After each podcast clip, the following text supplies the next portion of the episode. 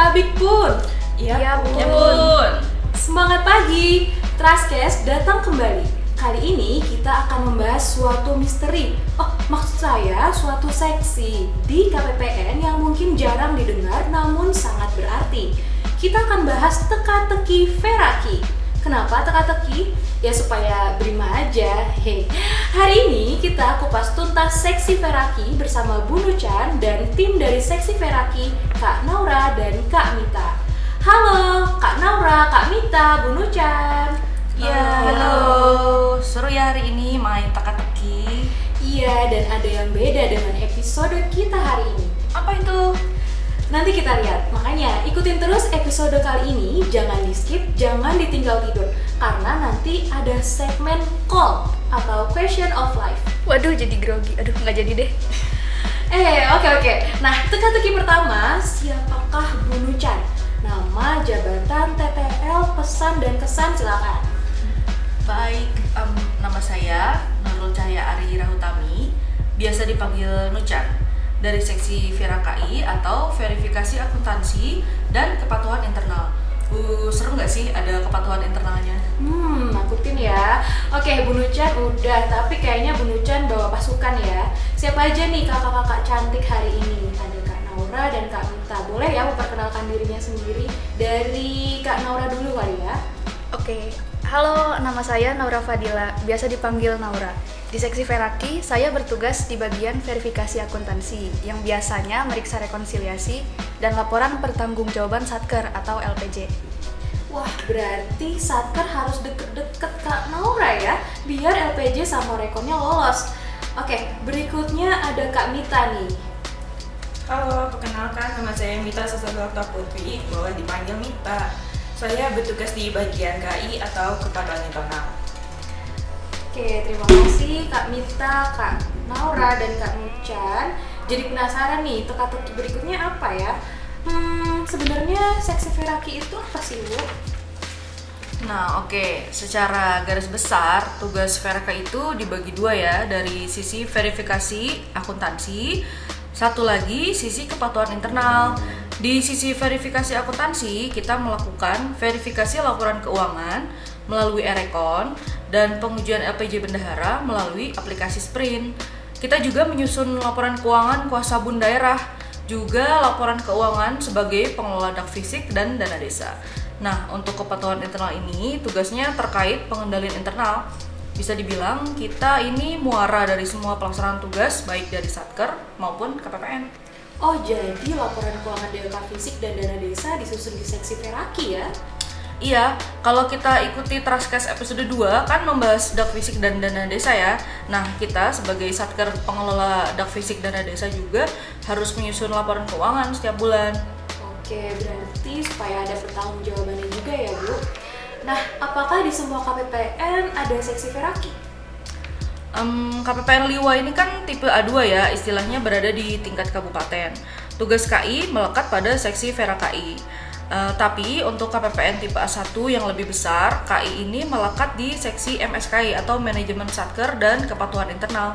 Jadi kalau di tipe A1 ada subbagian umum, ada seksi pencairan dana, seksi bank, seksi Vera dan seksi MSKI. Kalau di tipe A2 KPPN Liwa ini salah satunya ada subbagian umum, seksi PDMS pencairan dana dan manajemen satker, ada seksi bank dan seksi Vera KI. Nah, tadi udah disebutin kata-kata erekon ya, Bu ya. Boleh sharing nggak sih sebenarnya erekon tuh apa? Mungkin dari siapa ya yang jawab? Kak Naura nih, kayaknya Kak Naura bisa jawab. Oke, jadi Erekon atau panjangnya Elektronik Rekonsiliasi dan Laporan Keuangan, Erekon dan LK, itu memang akrabnya kita panggil Erekon. Nah, ini adalah aplikasi berbasis website untuk melakukan rekonsiliasi. Nah, apa yang kita rekon? Rekonsiliasi dalam akuntansi itu sendiri berarti menyamakan data dari dua set catatan. Nah, data yang kita samakan yaitu transaksi SAI, sistem akuntansi instansi, yaitu data-data Satker dengan data dari KPPN sebagai kuasa bun, yaitu sisi Kementerian Keuangan. Di situ kita lihat apakah yang dicatat Satker sesuai dengan data KPPN, apakah ada transaksi yang belum direkam, baik itu keuangan atau BMN, apakah ada neraca yang tidak balance, intinya kita menyamakan data. Wah, kedengarannya rumit banget ya proses rekonsiliasi ini. Nah, untuk rekonsiliasi ini sendiri dilakukannya kapan ya, Kak? Kalau jadwal Erekon biasanya akan diumumkan melalui surat dari Direktur Akuntansi dan Pengelola Keuangan DJPB dan biasanya juga akan diteruskan oleh Kepala KPPN kepada satuan kerja. Nah, nanti akan ada tanggal-tanggal khusus yang disebut open period di mana satuan kerja diharapkan dapat melakukan rekonsiliasi tepat waktu namun secara andal juga dalam durasi open period tersebut. Oke, ngomong-ngomong tentang andal nih ya, kita balik lagi ke Bu Nucan nih. Ada nggak sih Bu tips-tips supaya laporan yang direkonsiliasi oleh Satker itu andal? Kalau kata KBBI, andal itu dapat dipercaya. Kalau kata Erekon, andal itu hasilnya sama dan dapat dipertanggungjawabkan. Gimana caranya mendapatkan laporan yang andal? Yang pertama, tentu semua berawal dari data sumber. Pastikan data sumber itu lengkap dan jelas. Dari sisi bendahara, SPM lengkap, kwitansi lengkap. Dari sisi aset, BAST jelas, kode barang benar. Nah, dari sisi persediaan, bon barang jelas, data transaksi yang masuk juga jelas. Kemudian yang kedua, kedisiplinan pencatatan. Pastikan semua transaksi tercatat dengan benar dan lengkap. Yang ketiga, pastikan sesuai jadwal rekonsiliasi. Dan yang terakhir, tingkatkan sinergi internal antar operator. Baik, teka-teki rekonsiliasi sudah terjawab ya. Nah, kita masuk ke teka-teki berikutnya nih, terkait LPJ Bendahara. Masih sama Kak Naura ya, gimana sih Kak LPJ Bendahara itu? Ya, jadi LPJ Bendahara ini sangat krusial juga sebenarnya. Setiap awal bulan, paling lambat tanggal 10, seluruh bendahara, baik bendahara pengeluaran maupun bendahara penerimaan, itu harus menyampaikan LPJ mereka ke KPPN melalui aplikasi Sprint atau Sistem Pengelolaan Rekening Terintegrasi. Nah, nantinya LPJ tersebut akan kita validasi dan jika sudah valid akan kita verifikasi. Oke Kak Naura, nah aku jadi penasaran nih sebenarnya urgensinya dari LPJ ini apa sih Kak? LPJ ini kan bentuk pertanggungjawaban atas uang yang dikelola oleh bendahara. Jadi, ini menunjukkan kredibilitas dan akuntabilitas seorang bendahara. Bendahara ini bertanggung jawab langsung ke Kementerian Keuangan. Ini menunjukkan betapa bergengsinya profesi bendahara dan betapa pentingnya arti seorang bendahara. Oke, ngomongin kredibilitas dan akuntabilitas nih ya Kak Naura. Kalau di KPPN Nirwa sendiri, gimana pelaksanaan rekonsiliasi dan pelaporan LPJ ini? Kayaknya kita gantian ya kak, kita jawab sama Bu Nuncan deh. Gimana tuh? Oke. Satker di Liwa ini em, secara garis besar sangat akuntabel dan baik. Tidak pernah melewati batas waktu pengajuan. Kalaupun ada yang nakal sedikit ya masih bisa diarahkan lah. Saya juga mengucapkan terima kasih banyak kepada Satker Mitra Kerja KPPN Liwa. Mari kita pertahankan, bahkan kita tingkatkan supaya lebih baik, lebih bergengsi. Karena sebagai bun, KPPN juga diawasi bagaimana kinerja satkernya. Selain masuk ke dalam IKU juga setiap bulan kita dibuatkan penilaian oleh Kanwil DJPB Lampung. Ini yang menjadi pemicu kita melakukan pelaporan yang andal dan tepat waktu. Oke, jadi kinerja satker juga berpengaruh ya Bu ya kepada kinerja KPPN sebagai kuasa bun. Betul. Nah, beranjak ke teka-teki berikutnya ya. Hmm, kita bahas apa nih yang belum dibahas? Oh ya, kepatuhan internal. Gimana nih kepatuhan internal? Masih balik ke Bu Nucan lagi ya?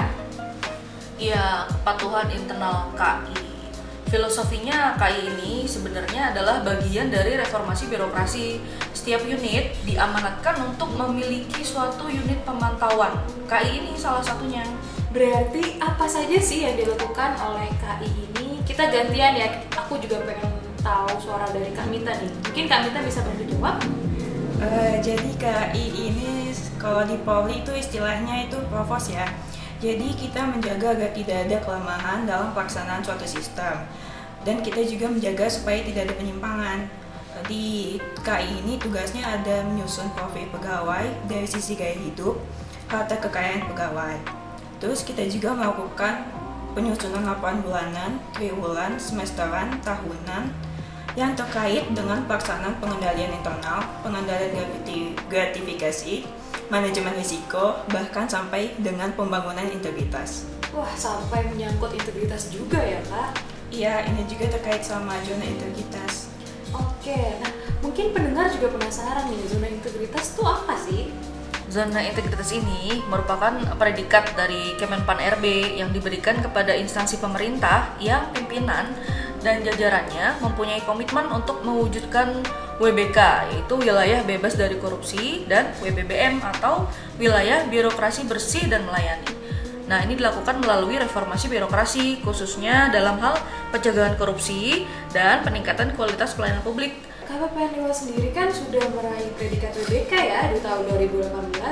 WBK tadi itu singkatannya dari wilayah bebas dari korupsi ya Bu ya. Ya, betul. Dan mudah-mudahan target berikutnya kita mau meraih WBBM atau wilayah birokrasi bersih dan melayani. Semoga bisa tercapai.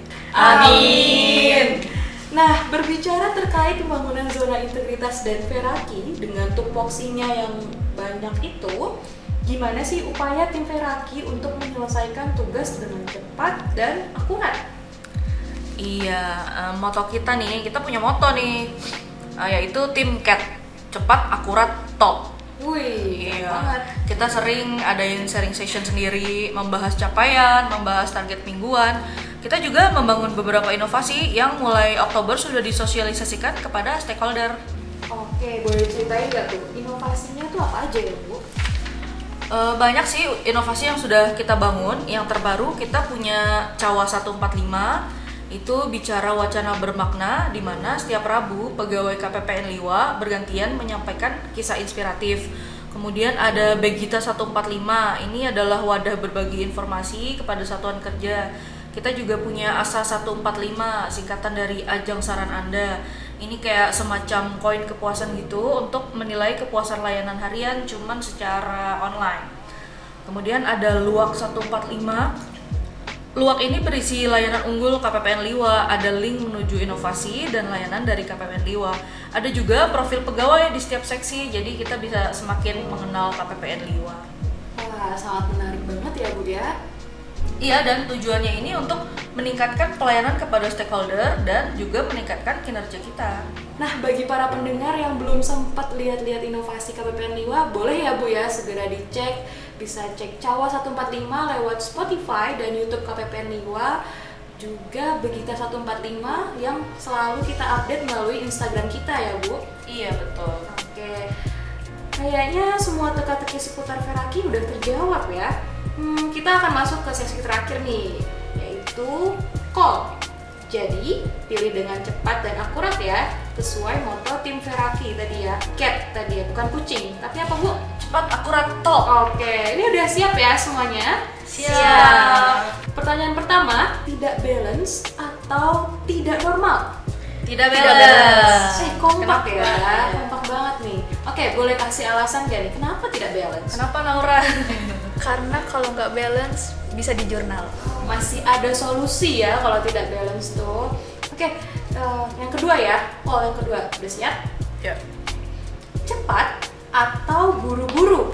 Cepat. Cepat dan tepat. Sesuai dengan motonya tadi ya? Iya, betul. Oh, gitu. Pertanyaan ketiga, akuntabel atau ampunable?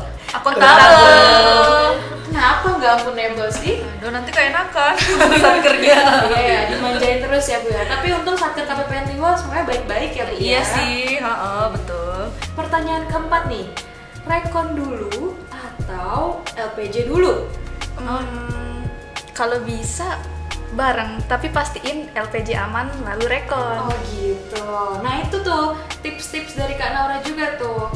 Oke, kita lanjut ke pertanyaan kelima ya. Ini udah siap belum nih? Ini jawabnya mau kompakan nggak nih? Kompakan lah ya. Iya. Oke, siap ya. Reset bar atau terbit bar? Terbit bar. Kenapa? Berarti udah aman. Udah aman ya. Oke. Akuntabel. akuntabel udah terpenuhi ya akuntabelnya tadi ya bukan Iya. akuntabel ya oke pertanyaan keenam terakhir sih nih kayaknya nggak apa-apa ya hmm, udah siap Ya. Siap? Gratifikasi atau gratis dikasih Hmm, maunya sih gratis dikasih ya, tapi ya bukan gratifikasi. oh gitu emang kita senangnya gratisan ya semuanya ya yang penting bukan gratifikasi oke hmm, ada kata-kata penutup gak nih dari kak Naura deh Ada Jangan lupa rekon dan LPJ tepat waktu dan andal. Oke, siap Kak Nora. Selanjutnya dari Kak Mita. 2022 PPPM. Amin, ayo semangat. Amin. Amin. Oke, dari terakhir nih dari Bu Nucan. Oke, serius sedikit ya. Oke, boleh. Saya mau mengutip kata-kata Ibu Sri Mulyani. Ya. Beliau berkata begini, beberapa poin terpenting dalam menghadapi pandemi COVID-19 yaitu kredibilitas, transparansi, dan akuntabilitas anggaran negara. Jadi, bagaimana kita sebagai muara atas pelaksanaan anggaran, apalagi di masa pandemi ini ya, menjaga tiga hal tersebut supaya dapat menghasilkan laporan yang akuntabel, menjaga pelaksanaan anggaran yang berintegritas, dan berkontribusi menjadikan Indonesia hebat. Siap, mari jadikan Indonesia hebat. Terima kasih kepada tim Cat Feraki, KPPN Liwa, Pasti bisa, pasti juara. Dan terima kasih kepada para pendengar setia podcast Taskes KPPN Liwa. Sampai bertemu di episode selanjutnya.